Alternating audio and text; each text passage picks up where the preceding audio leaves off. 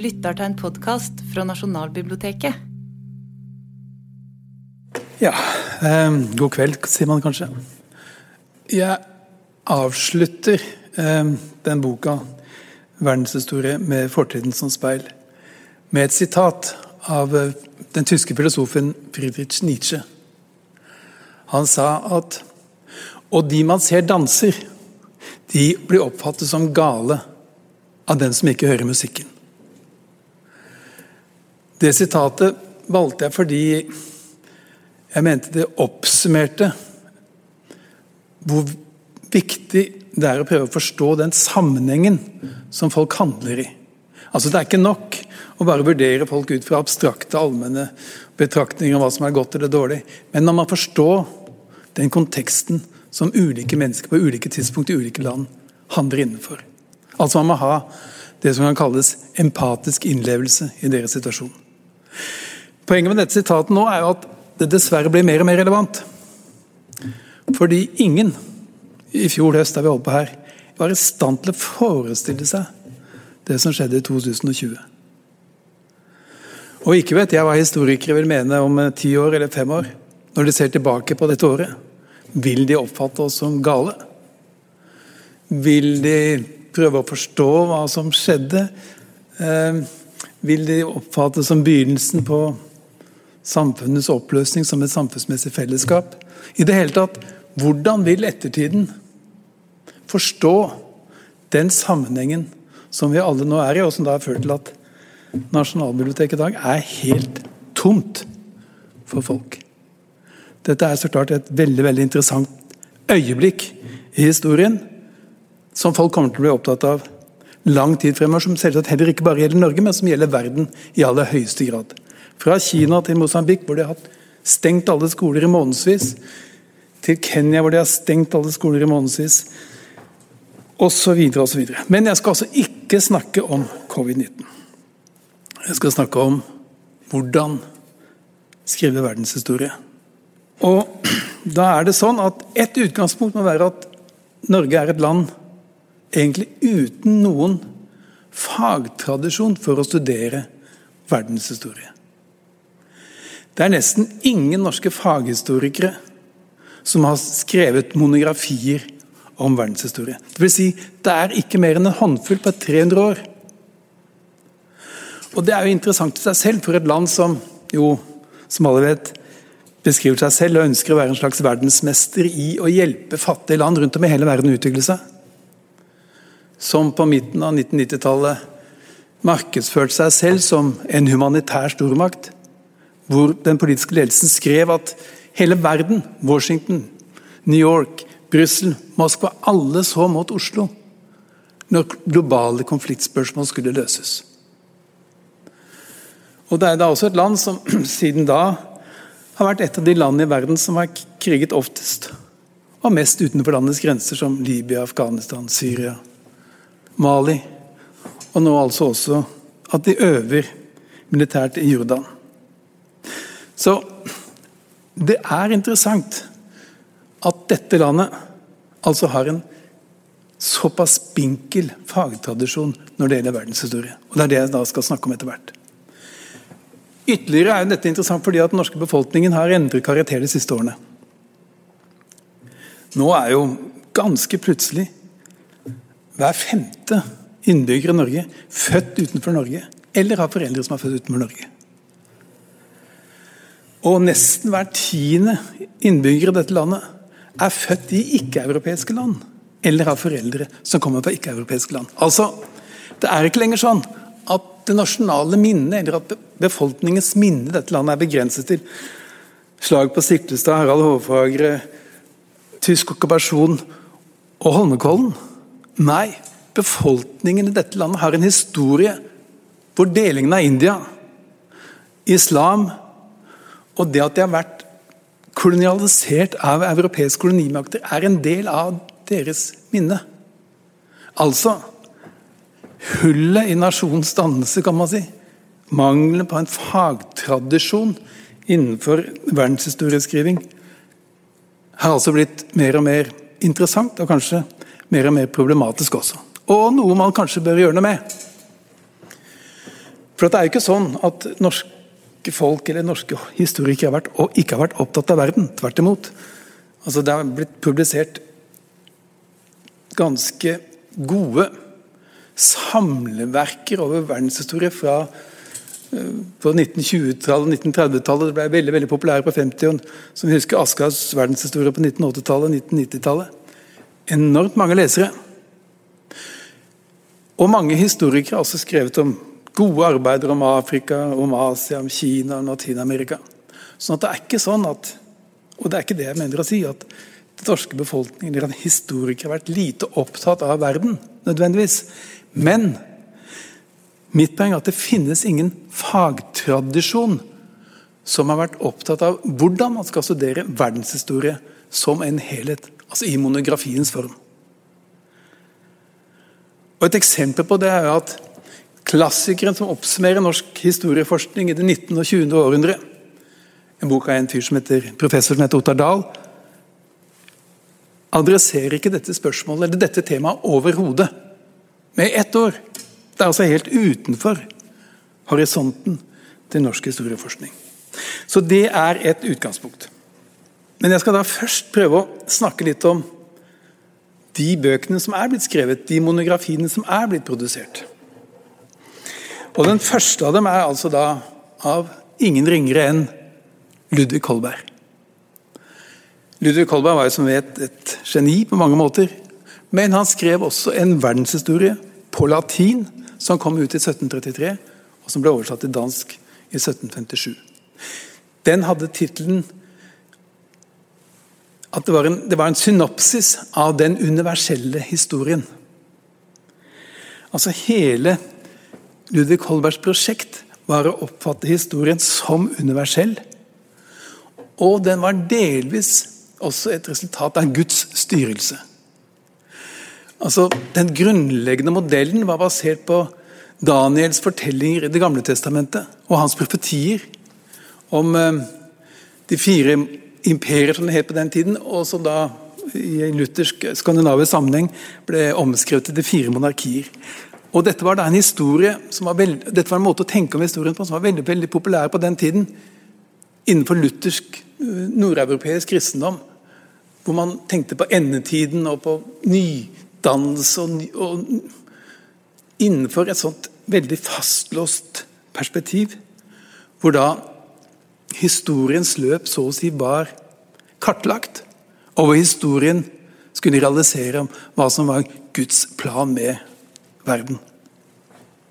Det var innenfor denne måten å tenke på som også Holberg skrev sitt verk, og som han ordnet verdenshistorien på.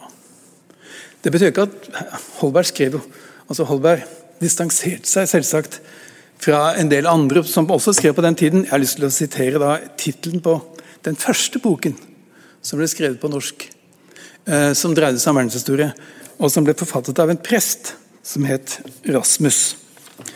Og Den tittelen var som følger Og den er fantastisk, men tidstypisk. Guds rike blant verdens riker ut i en kort ekstrakt av kirke- og verdslige historier. Fra verdens begynnelse inntil år Kristi 1660 hvor det fremvises kirkens liv og verdens lov og Guds forsyn ut i begge. Altså, For Rasmus så dreide det seg om å demonstrere Guds overordnede drivkraft i historien. Holberg distanserte seg fra det og ga på en måte ikke Gud noen viktig rolle i de dagligdagse, mindre hendelsene, men i det store bildet så var det altså Guds plan som ble realisert.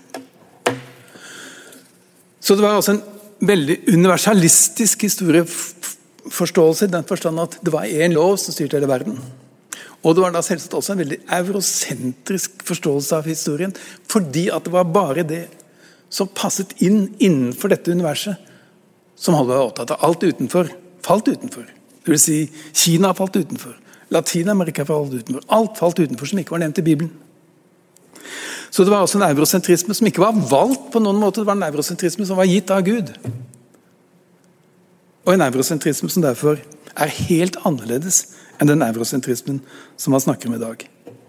Men dette var altså den første monografien om verdenshistorien gitt ut av en faghistoriker i Norge slash Danmark-Norge. Og er skrevet av en norsk historiker, Holberg Bayer, som vet, fra Bergen. Den neste boken, historieboken som ble gitt ut, ble gitt ut i 1840, altså nesten 100 år senere. Og Det var heller ingen hvem som helst som skrev den, det var P.A. Munch. Kalt nasjonens far. Med rette. Spilte en enormt viktig rolle på 1800-tallet i å eh, etablere fortellingen om det norske og etablere fortellingen om den nye norske nasjonen. Og det var også han som etablerte historie som fag ved universitetet.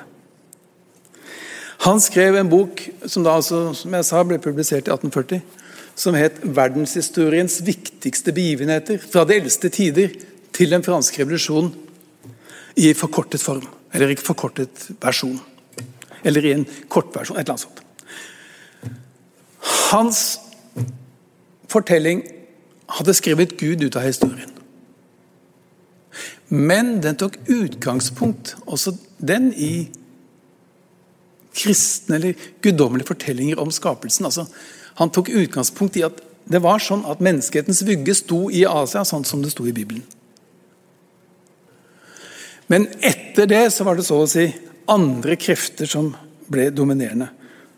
Og det guddommelige fikk en redusert plass innenfor historiens plan. Men også han opererte med en veldig universalistisk forståelse av historien, men hvor det altså ikke var det guddommelige, men mer det rasemessige faktisk, som spilte en rolle. Veldig overraskende for meg. Men han delte rett og slett menneskearten inn i fire hoved, separate hovedraser. Iranere, eller indoeuropeere. Turanere, det var mongolene. Og så malaysere og negere, som han sa. Og Forskjellen med disse de utviklet seg og ble skarpere og skarpere etter hvert som tiden utviklet seg. Og som han sa, av disse så var det da iranerne, altså indoeuropeerne, og tranerne, som da altså var mongolene. Det var de som kom til å spille en viktig rolle i verdenshistorien. Og det var de som så seg var eislet til å spille en viktig rolle i verdenshistorien. De store omveltningene i verdenshistorien var en kamp mellom disse to.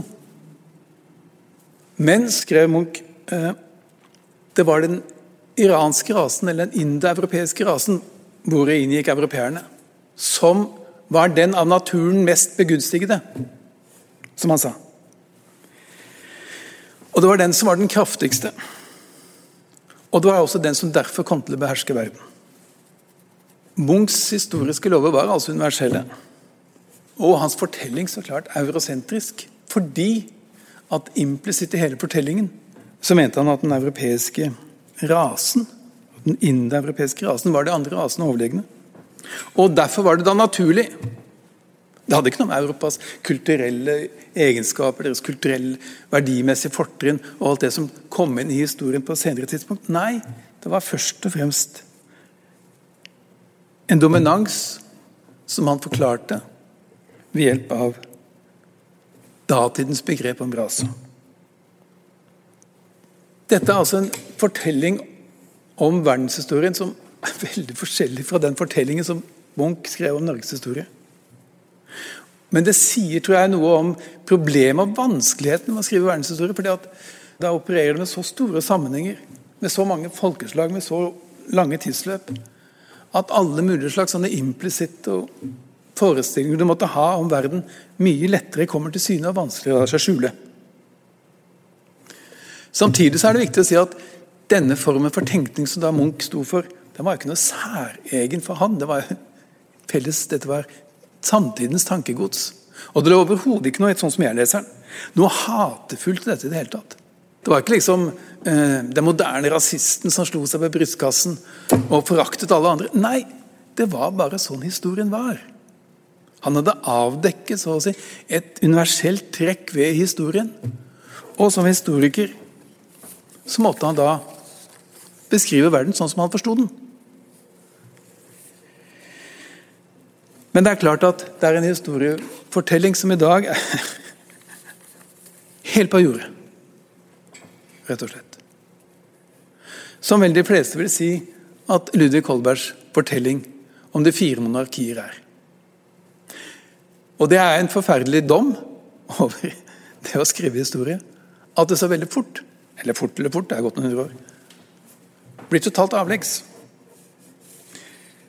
Eller kan bli totalt avleggs. Etter min mening må det ikke bli det. Det skal jeg komme tilbake til.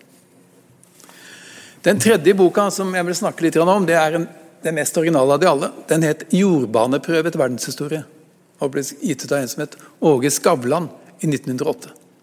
Det var en bok på 54 sider. Jeg må si at Holbergs bok var på ca. 250. Heller ikke veldig stor. Eh, kortere enn min. eh, men Skavlan skrev på 54 sider. Og Det er en 100 gammel versjon av det som nå går under navnet Big History. Dette var Big History. Han starter så å si i tidenes begynnelse. Om natur, og hvordan verden blir til, og kloden blir til, og hvordan menneskeheten oppstår osv. Og, så videre, og, og har da en fortolkning av, av historien som tittelen indikerer, har med jordbanens stilling i forhold til solen å gjøre. Altså, Dette er helt avgjørende for hvordan klimaet endrer seg over tid. Og hvordan klimaet endrer seg over tid, vil også ha helt avgjørende betydning for hvordan samfunnet utvikler seg her og der. Og Han sier da altså, kommer med også uttalelser klart, som er veldig merket av tidens tankegang. Eh, denne klimadeterminismen var jo en del av tidens tankegang, men også hans beskrivelse av f.eks. Uh, eh, urinnvånerne i Australia er jo ikke akkurat uh, måter å beskrive det på som man aksepterer i dag. Han skriver f.eks. at om urfolket i Australia så at de vedvarende menneskerestene og det øvrige liv tilhører tilbakeliggende trinn i utviklingen. Og Da snakket han om kranier og sånt. Altså, en veldig sånn tradisjonell, på det tidspunktet, rasemessig forklaring Eh, av hvorfor noen land og noen områder er mer utviklet enn andre områder, koblet sammen med da, denne teorien om solstrålens betydning, eller jordbanens relasjon til solens betydning. Og for han, Det var selvsagt også en eurosentrisk bok, men igjen, det var en eurosentrisme som ikke var valgt. Den var ikke ideologisk, den var ikke kulturelt.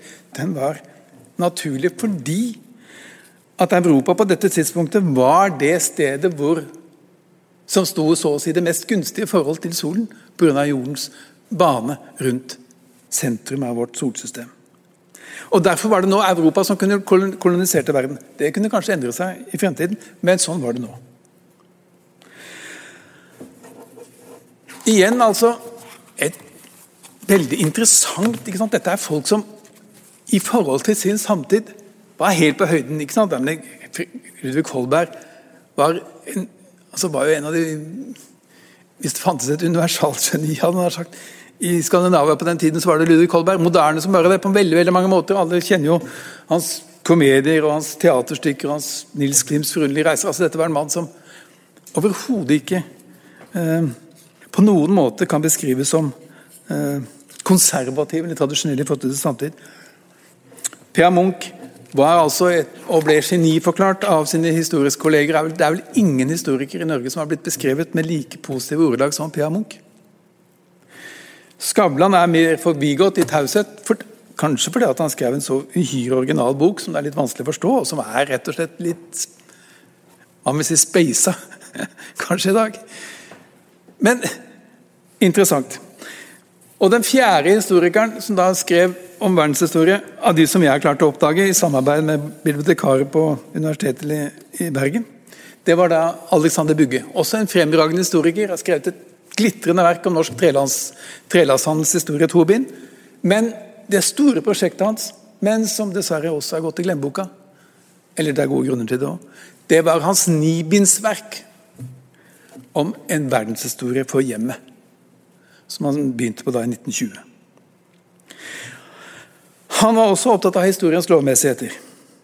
Og han slår veldig tydelig fast at all, all samfunnsutvikling Overalt i samfunnet, uansett hvor det er på kloden, så møter vi, som han sa, overalt de samme drag.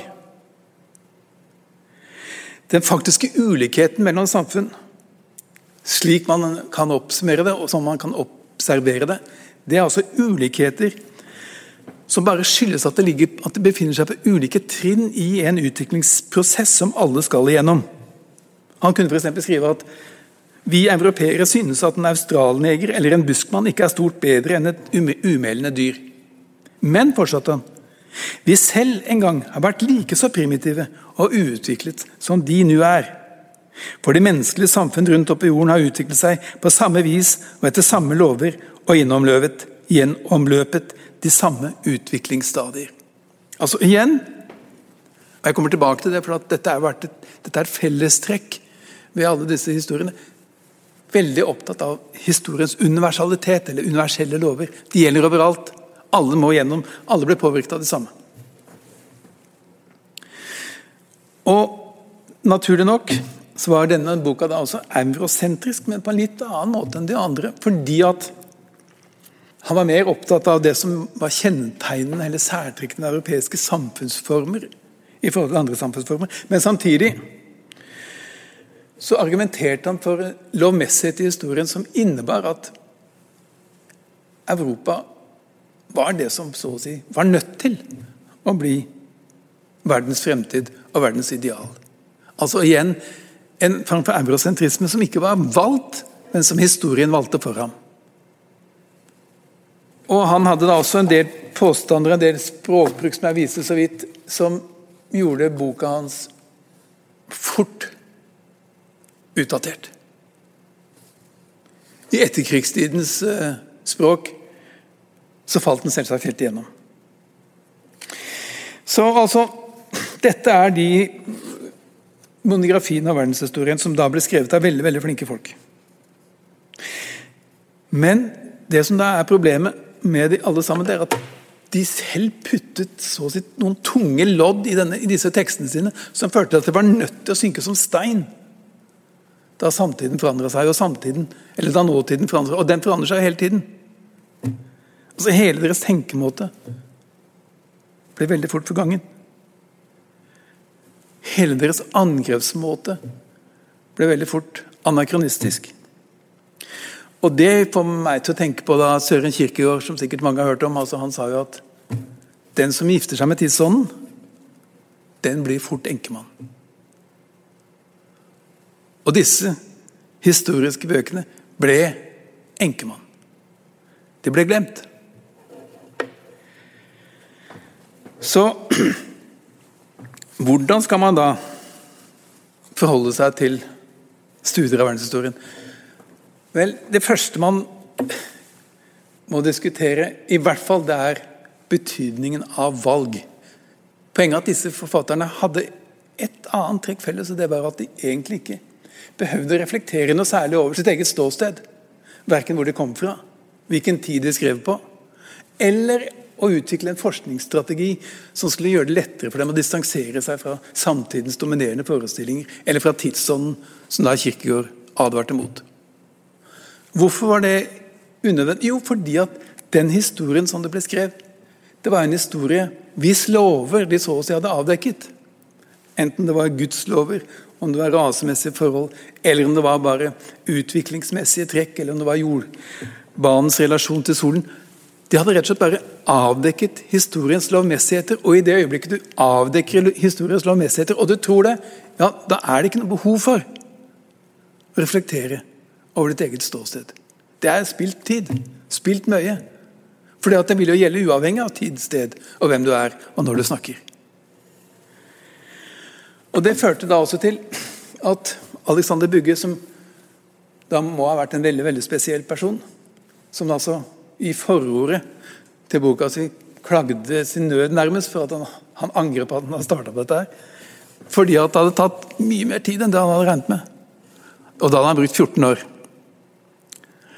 Og så sa han at egentlig sa han at skal du skrive en ordentlig historiebok, og du, må, og du skal lese gjennom alle de haugene av avisen som har blitt publisert i løpet av 100 år Det var han som brukte begrepet aviser. Det var før dataens tid, ikke sant? hvor problemet er enda enda større. Vel, Så ville han bruke 140 år på å bli ferdig. Altså, Han ville skrive alt. Hans iver for verdenshistorien lokket han ut på et, en galei hvor det ikke var noen begrensninger, nærmest. Og hvor han heller ikke da stilte noen klare krav til seg selv og til sin egen tekst og til sitt eget verk om hva er det jeg virkelig skal studere. Hva er det som er viktigst, hva er det som ikke er så viktig? Hva er nødvendige, hva er forutsetninger, hva er årsaker? Hvor skal jeg trekke det geografiske rammene osv. osv. Han bare starta med begynnelsen og dura på og endte med annen verdenskrig og Versailles-freden. Det ble ni bind, ekstremt masse lærdom, men altså også litt flatt i den forstand at det er veldig vanskelig som leser å få fatt på hva er det virkelig som foregår her, og hva er det som er viktig, og hva er det som ikke er viktig. Og hvorfor skriver han om det og ikke om det? Han ordner rett og slett ikke verdenshistorien for leseren.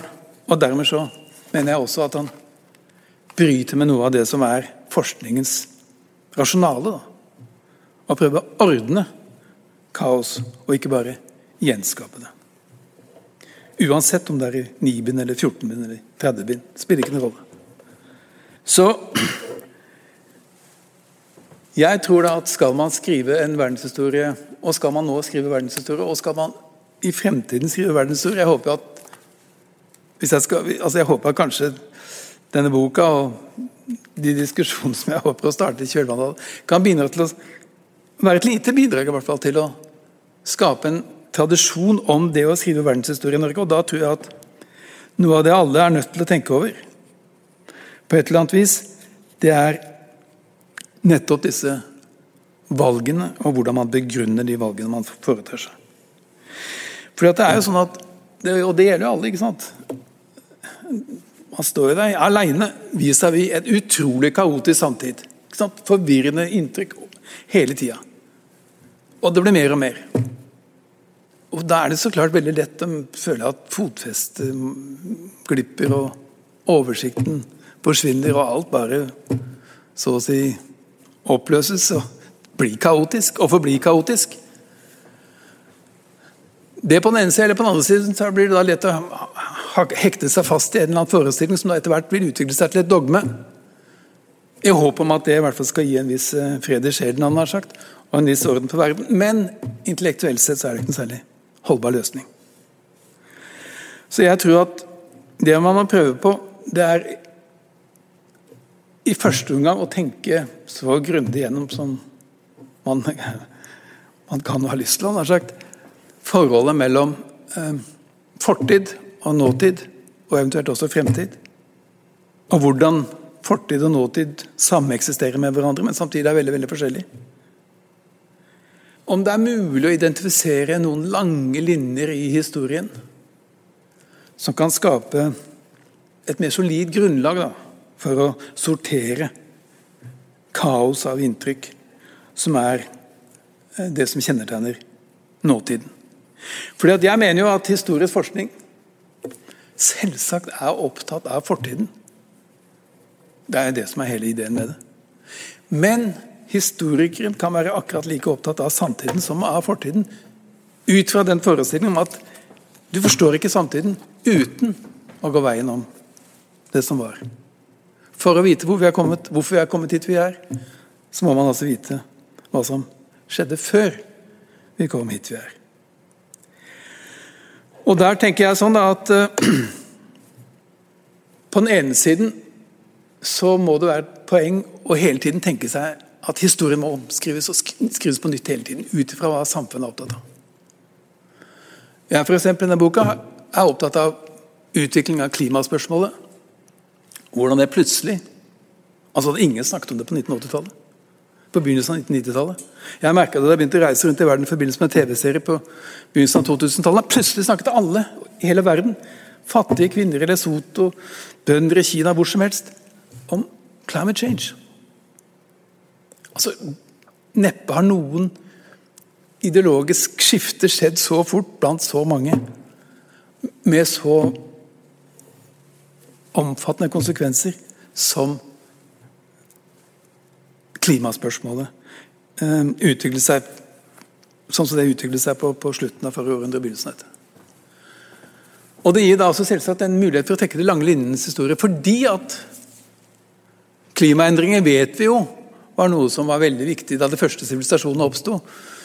Uh, som jeg skriver om, klimaflyktninger i dagens terminologi dro fra Sahara til Nilen for å slå seg til langs denne Helloselva, for det var det stedet de best kunne leve på den tiden. Og det, tils, og det samme i den fruktbare halvmånen, altså dagens Libanon, eh, deler av Tyrkia, deler av Syria. De dro mot Eufrat Tigris og nærmere det, det, som da senere ble Det persiske hav, fordi at der var det bedre klima, så det var mer nedbør, det var mer vann osv. Så, så, videre. så klima var én ting som jeg er opptatt av. Det ligger i samtiden. altså Kan historisk innsikt kaste lys på dette som man ikke vil skaffe, kunne skaffe seg, med mindre man ikke går veien over historien.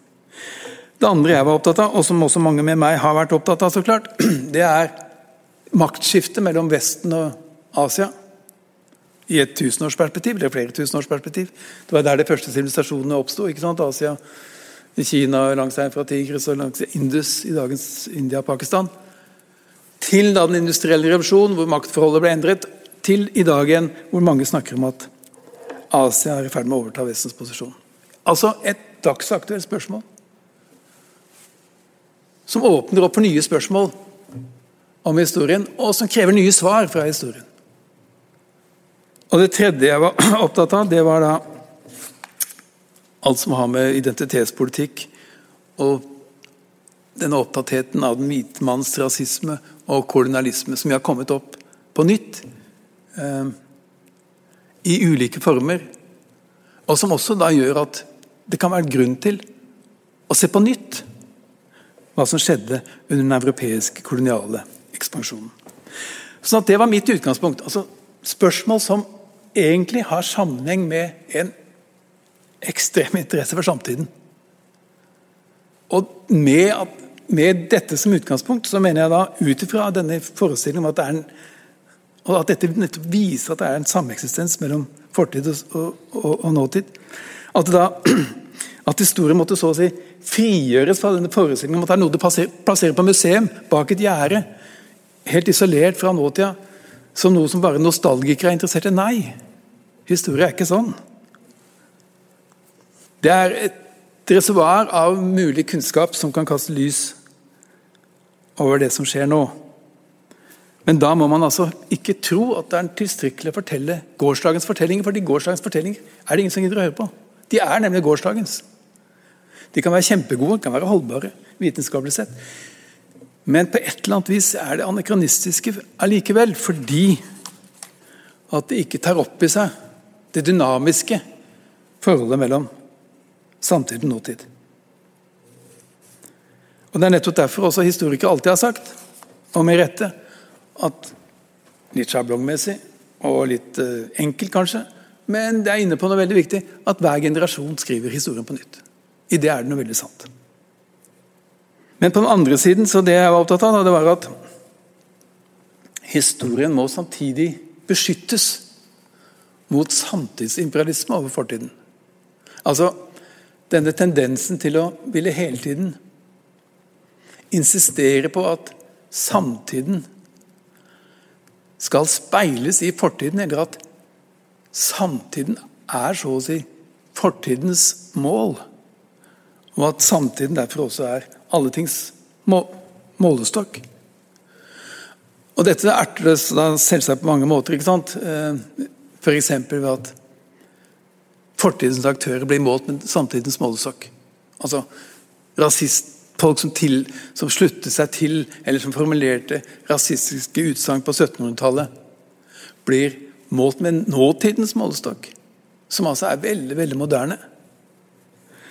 Én eh, ting er at man selvsagt kan vurdere dem ut fra samtidens målestokk, men man kan ikke la det bestemme vurderingen av deres menneskelighet.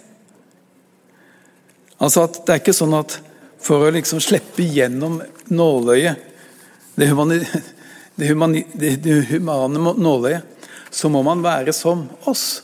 Eller må man være på vei til å bli som oss? Det er den formen for samtidsimperialisme overfor fortiden som etter min mening er veldig skadelig, eller den er veldig ødeleggende for forståelsen av fortiden, så klart. For da blir det umulig å forstå aktørene som handlet innenfor en helt annen sammenheng. Men forstår man ikke det, så forstår man heller ikke samtiden. Da skjønner man ikke forskjellen på det som var, og det som er. For at Riktignok er det sånn at samtid og fortid sameksisterer, men det er også sånn at det er to vidt forskjellige ting. For at fortiden er død. Ugjenkallelig død. Kan jeg ikke gjøre noe med det. Tilhører et annet land. Og det er denne si, dualistiske Jeg vet ikke om det er rett begrep. altså det er denne jo, kanskje dualistiske forestillingen om forhold mellom samtid og nåtid som jeg mener er veldig veldig viktig å tenke over når man skal holde på med historie generelt, men ikke minst verdenshistorie. Altså at samtiden sameksisterer med fortiden, hvilket betyr at samtiden hele tiden stiller nye spørsmål og krever nye svar. Men samtidig at fortiden er et annet land, er dødt og må ikke underkastes samtids, aggressiv samtidsimperialisme som gjør samtiden til det normale. Men samtiden er jo bare en ny nåtid. Snart er denne nåtiden historie. Så det er helt håpløst. Det er jo så kortsiktig. Det er banalt, rett og slett, å gjøre samtiden til alle ting som målestokk. For at samtiden er jo, som alle vet, historie i morgen. Det er det ene jeg tror er litt viktig. Og dette har jo da også mange andre variant, mange andre mm, uttrykk. Denne formen for samtidsimperialisme overfor fortiden. Og alle kjenner jo til utsagn som at uh, det liberalkapitalistiske samfunnet så å si har vært historiens mening. Francis Fukuyama sa jo denne berømte boka si om 'The End of History'. Han sa noe som gikk i den retningen. Men det har blitt sagt av veldig mange andre altså at man så å si, ved å se på fortiden, så ser man at det hele tiden har blitt lagt opp til, så å si. At det er det liberal, liberalkapitalistiske samfunnet som er historiens produkt. Det er det som skal seire. Det er det som ligger skjult i historien, som historiens mening. Men du har også akkurat den samme varianten på den andre politiske siden, hvis man skal tenke sånn tradisjonelt. Hvor ofte har det utsagt, har det ikke blitt sagt i europeisk historie og i norsk historie at historien vil føre til at sosialismen seirer. Eller at sosialismen er på en måte et eller sosialistiske samfunnet er et naturlig, et nødvendig eller et lovmessig trinn på historiens utviklingsstige. Igjen så er det da en form for etter min mening for samtidsimperialisme overfor fortiden. Eh, I tillegg til mye annet rart. Men det er også det, for da har man underkastet hele den eventyrlige fortiden, som jo egentlig sånn som jeg tenker var helt åpen. altså Eh, Veldig vanskelig å vite hvor, hvor ting uh, skulle ende. Men den har da blitt presset inn i et mønster hvor det vi har i dag, er det historien egentlig ville. Altså Vi har blitt alle tings målestokk. Alle tings mål. Og med en sånn måte å tenke på, så tror jeg at det er veldig, veldig vanskelig å forstå verdenshistorien.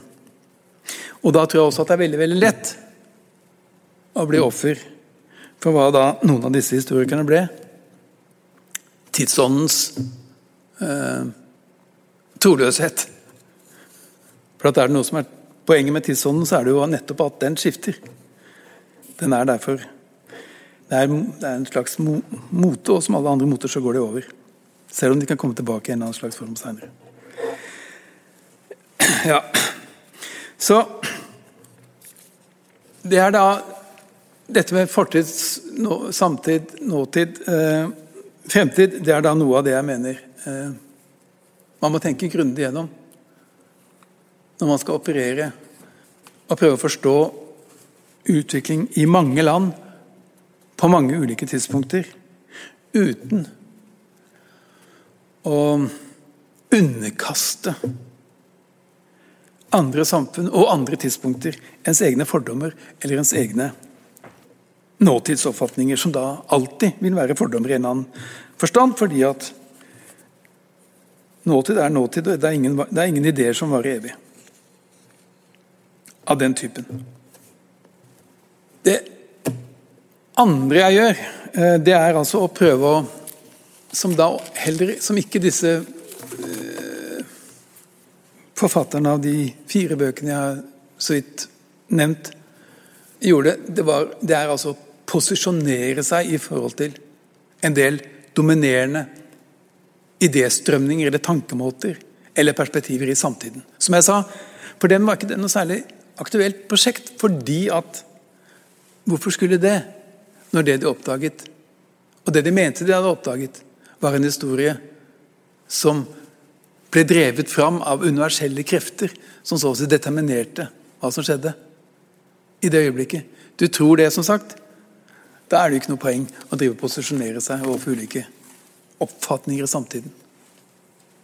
Mens eh, jeg tror da at skal man kunne skrive en historie som eh, Skal man kunne skrive en verdenshistorie og verdenshistorier i fremtiden som er eh, interessante, så tror jeg at det må være poeng å relatere forskningen og selve forskningsstrategien altså Jeg liker å tenke på forskningsstrategien som et slags triangulært forhold mellom forskerens ståsted, definert hvitt, eh, hvor det kommer fra kjønn, alder, bla, bla, bla.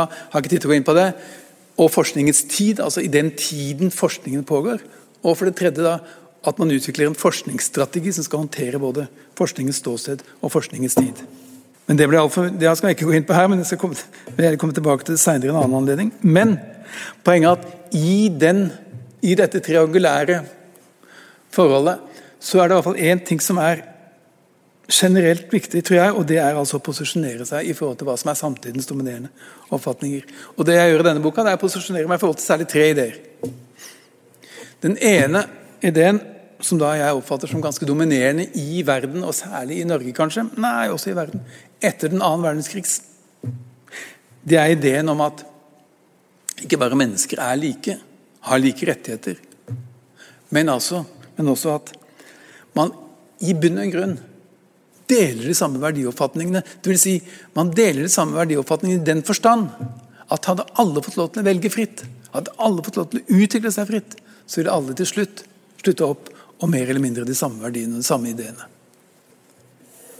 Og Det er sånne oppfatninger som jo Jeg har skrevet mye om at den norske regjeringen for eksempel, har eksplisitt formulert i diverse stortingsmeldinger og sånt om menneskerettigheter om utviklingsstrategier. altså at Man har rett og slett argumentert for at ikke bare det er verdier som bør universaliseres, altså som alle mennesker bør annamme, ta til seg, fordi at det er det beste. Nei, man har, gått, man har argumentert innenfor et annet univers, så å si. Hvor man hevder at dette er verdier som ligger som frø skjult i historien, så å si. I alle samfunn. Det er bare et spørsmål om tid før det vokser opp og gror og får dominans.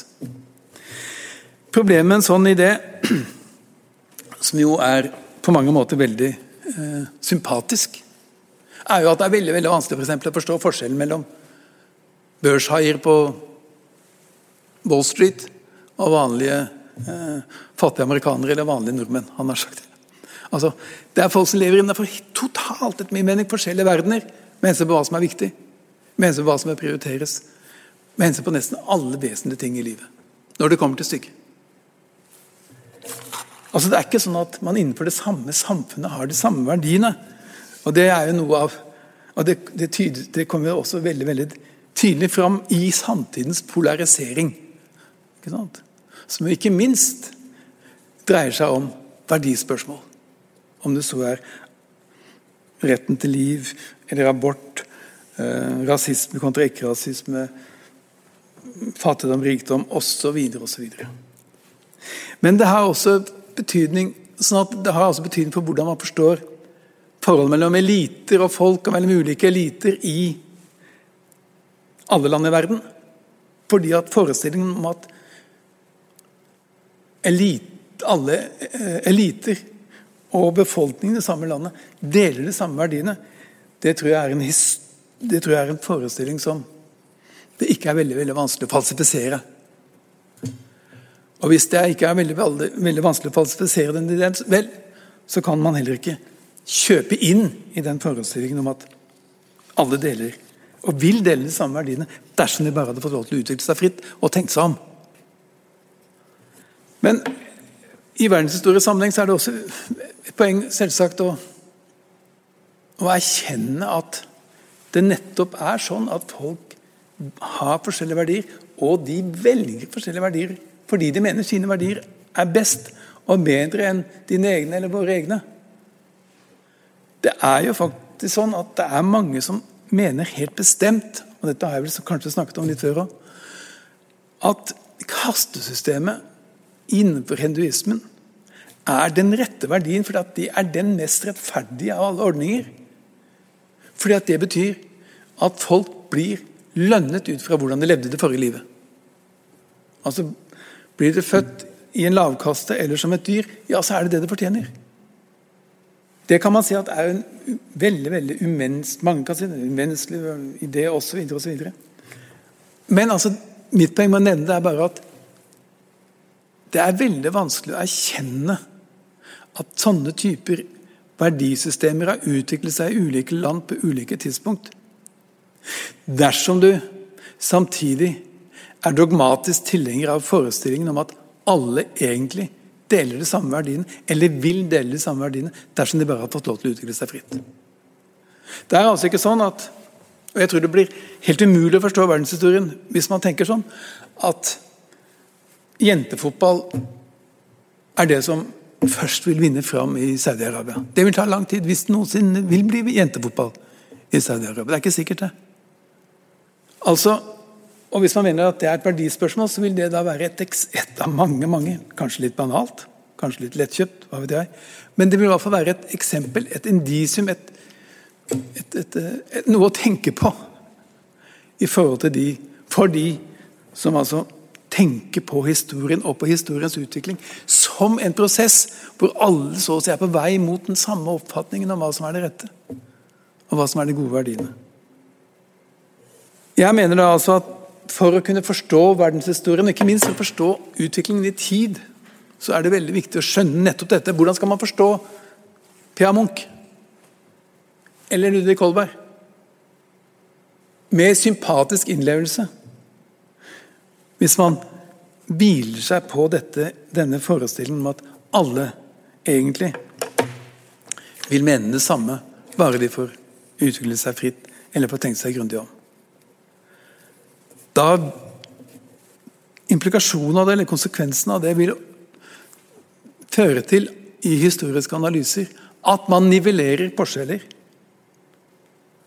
At man opererer bort så å si det som ikke samsvarer med bildet.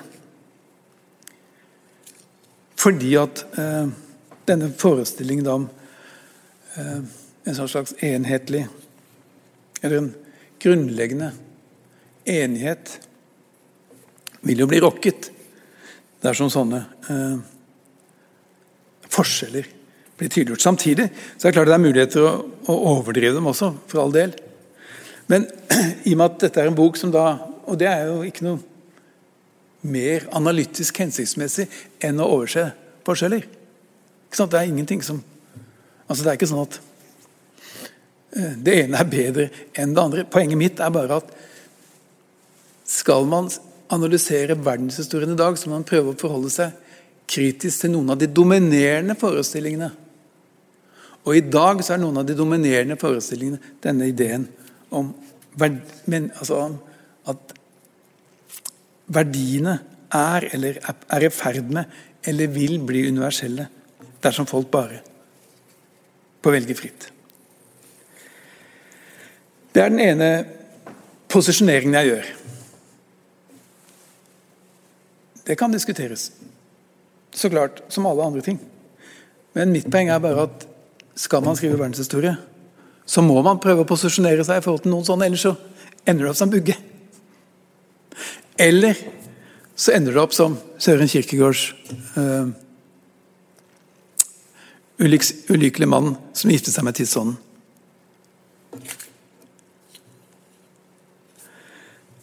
Det andre, uh, det andre området jeg prøver å eller hvor jeg eksplisitt eller tydelig posisjonerer meg på, det er uh, at jeg prøver å bryte ut av hva jeg kaller en slags reduksjonisme innenfor samfunnsvitenskapen og innenfor historieforskningen som har hatt en tendens til å underspille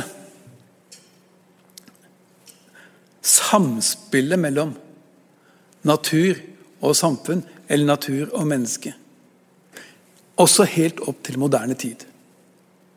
Selvsagt er det sånn at innenfor veldig mye historie så er naturen med, men ofte som en slags bakgrunnsfaktor, bare, som en slags scene som det menneskelige handlingene utføres på. Men det er ikke noe som er, en evig, konstant samhandlingsrelasjon til mennesket. Og Dette har sammenheng med etter min mening, da, denne forestillingen innenfor samfunnsvitenskapen som ble veldig, veldig sentral da den moderne verden oppsto. Altså at Det som er samfunnsvitenskapen relevant, det samfunnsvitenskapen skal være opptatt av, det er det som kan forklares ved hjelp av sosiale variabler. Og kun det som kan forklares ved hjelp av sosiale variabler.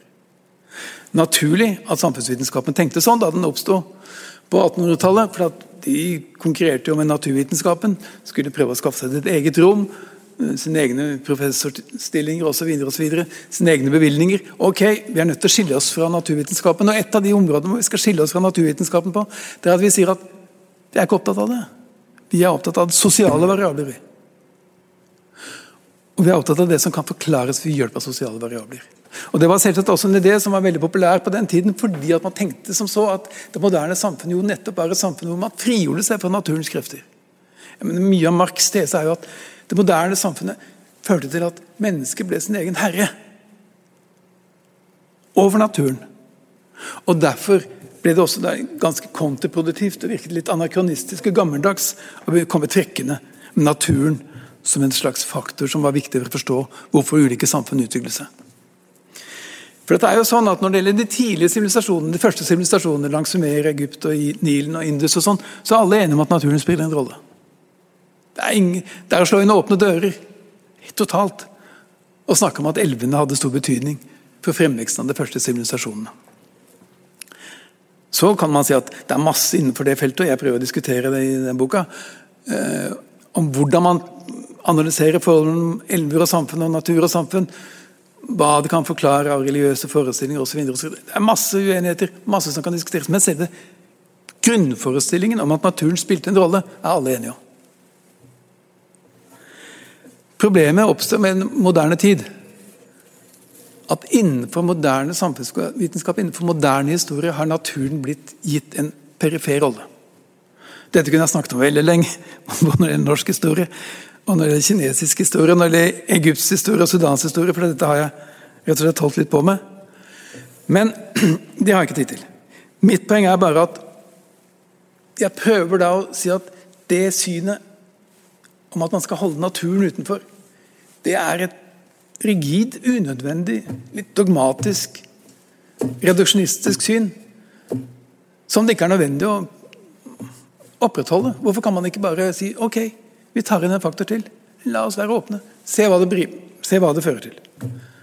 Og Jeg har da tenkt da sånn at, som det jo går fram i boka, at her er det et poeng også å følge ferskvannets rolle, fordi at ferskvannet har den spesielle egenskapen at det er universelt.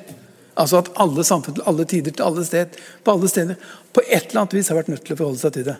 Ikke sant? Fordi at mennesket er helt avhengig av det, som vi vet. Alle vil dø hvis de ikke får det. Om det er rik eller fattig, svart eller hvis ikke noe rolle. Alle er avhengig av det. Alle må ha det. Alle samfunn. Altså det er universelt. Og hvis du er opptatt av verdenshistorie, da må, det være noe, da må det være poeng å være opptatt av noe som er virkelig universelt.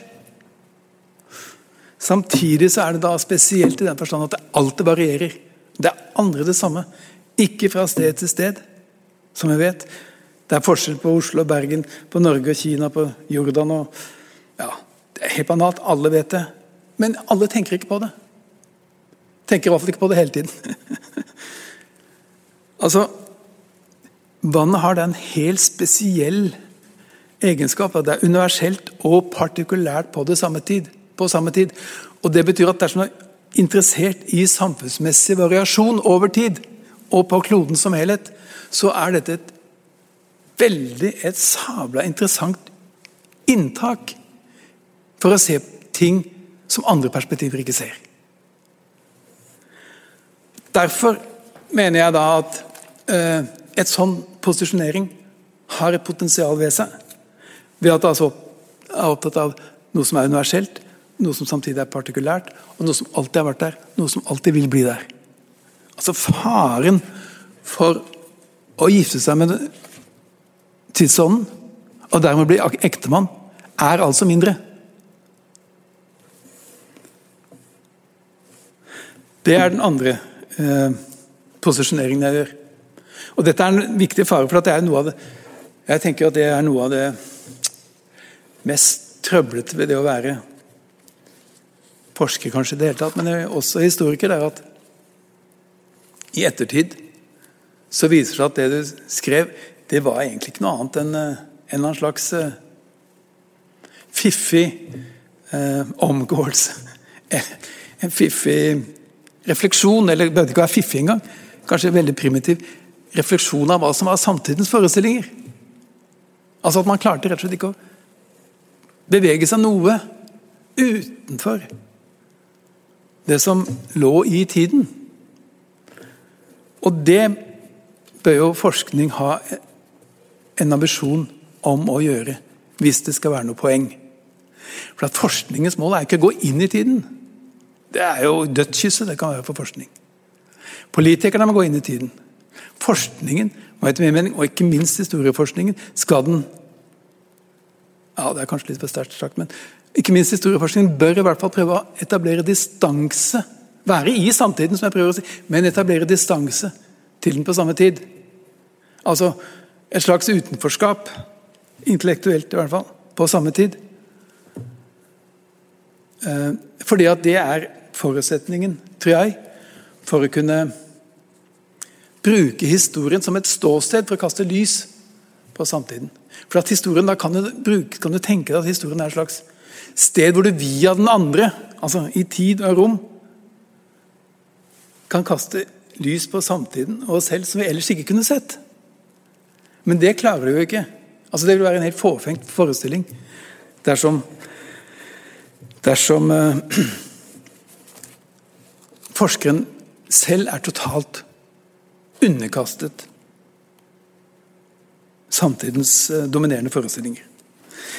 Den tredje uh, posisjoneringen jeg gjør, det er i forhold til eurosentrisme.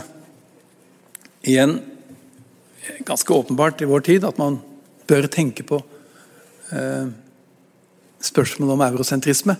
Jeg har jo i gjennomgangen av disse fire historikerne vært inne på det. At deres form for eurosentrisme var en litt annen form for eurosentrisme enn det vi snakker om i dag. fordi at det var en eurosentrisme som jeg sa på mange måter ikke var valgt. Det var en eurosentrisme som Gud eller historien eller uh, utviklingen selv så å si la grunnen for. Og at derfor var det ikke noe å diskutere. Det var ikke noe man kunne være for eller imot. Det bare det bare var sånn. Men eurosentrisme blir nå definert på veldig mange rare måter og litt banale måter. Eurosentrisme er ikke det samme som å være opptatt av Europa. Altså Det blir ikke mindre eurosentrisk av om du skriver om Afrika eller Asia. Eller om du har mange indere på litteraturlista. Eller om du er inder. Du bør ikke bli mindre eurosentrisk av den grunn. Altså det er ikke, Dette spørsmålet lar seg ikke løse på, denne, på sånne banale måter, etter min mening. Uh, eurosentrisme, sånn som jeg mener det er hensiktsmessig å tenke om det på, det er altså en måte å se på verden hvor ikke Europa har utviklet ideer eller institusjoner som resten av verden bør følge. Det behøver ikke etter min mening nødvendigvis være eurosentrisk. Det kan bare være et perspektiv som man argumenterer for, og som man vil teste. Eurosentrisme er det i det øyeblikket man oppfatter at Europa bør være alle tings mål, og vil være historiens endestasjon. Og derfor bør være alle tings målestokk også. Med andre ord Asiasentrisme er ikke noe, nødvendigvis noe bedre enn eurosentrisme. Det er problemer av samme ulla. Du kan tenke deg asiasentrisme. Altså Hvor folk i Kina for eksempel, mener at Midtens rike er det som alle samfunn bør måle seg selv i forhold til. I det øyeblikket kinesere eventuelt skulle opp og det, det finnes jo ideer av den typen opp gjennom kinesisk historie, hvor man oppfattet at Kina var verdens sentrum. Det var derfor det het Midtens rike. Det var naturlig at alle målte seg keiser, i forhold til keiserens prakt osv. Altså, den form for asiasentrisme eller kinasentrisme har også vært en del av historien. Så kinasentrisme eller afrikasentrisme eller eurosentrisme altså, Det er problemer av samme art. Og det det altså dreier seg om, etter min mening, det er først og fremst å gjøre bestemte, bestemte verdier eller bestemte institusjonelle ordninger til en naturlig Ikke bare målestokk, men til noe alle andre bør ville måle seg selv overfor, og noe alle andre bør ville nå. Da, i det øyeblikket du begynner å tenke sånn, så mener jeg at det blir veldig, veldig vanskelig å forstå historiens mangfold. Og det blir veldig, veldig vanskelig å forstå hvordan historien har utviklet seg på forskjellige måter i forskjellige områder. Eh, jeg vil avslutte med eh, Halvdan Koht. Halvdan Koht er også en kjent, veldig god norsk historiker, som jo også, som mange vet, var utenriksminister da tyskerne Eh, tok Norge i 1940. Han var da altså professor i historie og skrev en bok eh, som het eh, Der tror jeg med en, en, en, historie om verden skrevet et halvt hundre år fra nå, et eller annet sånt. Altså, Som han skrev på 1950-tallet. Eh, poenget var der at Koht prøvde å unnslippe på et vis alle de dilemmaene alle de problemene jeg snakket om, ved ganske enkelt å plassere seg selv i hodet til en kineser i år 2000. Det var derfor det var et halvt hundre år etter det han skrev den. Han skrev den på 50-tallet. Og han, han, han Kot Det var altså ikke på en måte kvot som skrev boka, selv om det var kvot som var forfatter. Men han tenkte seg at han var blitt en kineser og skrev om historien i, to, i 2000. Altså En veldig enkel måte da, hoppe bukk over det, alt som har med eurosentrisme å gjøre. Hoppe bukk over alt som har med det å posisjonere seg i forhold til samtidens oppfatning å gjøre. Eh, problemet med boka var jo at Koht som kineser tok feil på nesten alt.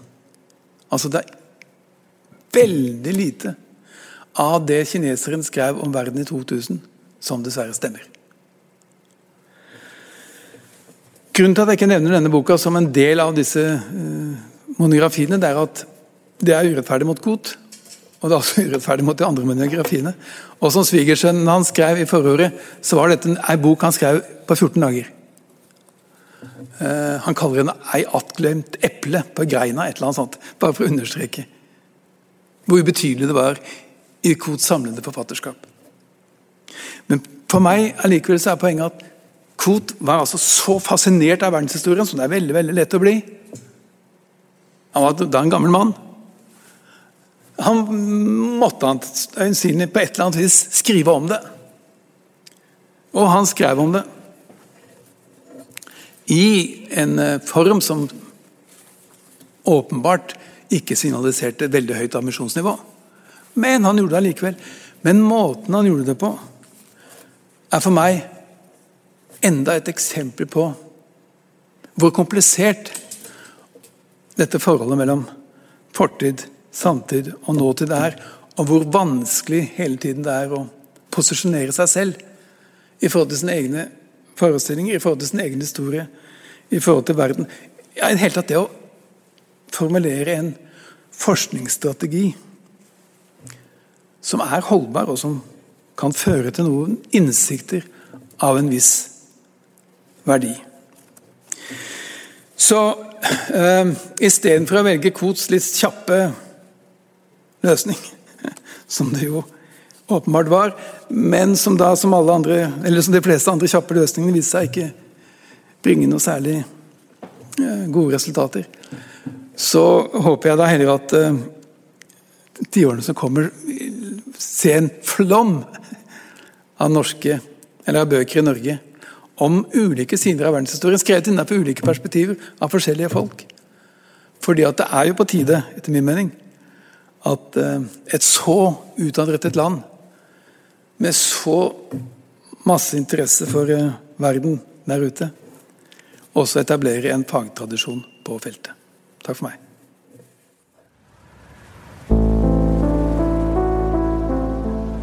Det, altså, man kan jo ikke oppdage en sånn historie uten å bli litt grann sånn i Se og Hør-modus, selvfølgelig. Dette er pikant. Rett på! I samlingene til Nasjonalbiblioteket så finnes det spor etter et helt hav av dunkle drama og glemte liv fra Norges historie. I podkasten Gamle greier så skal jeg, Askild Matre Aasarød, fra det lille studioet midt i kjelleren under Nasjonalbiblioteket i Oslo, nøste opp de her mysteriene. Det er en voldsom kjærlighetshistorie, rett og slett.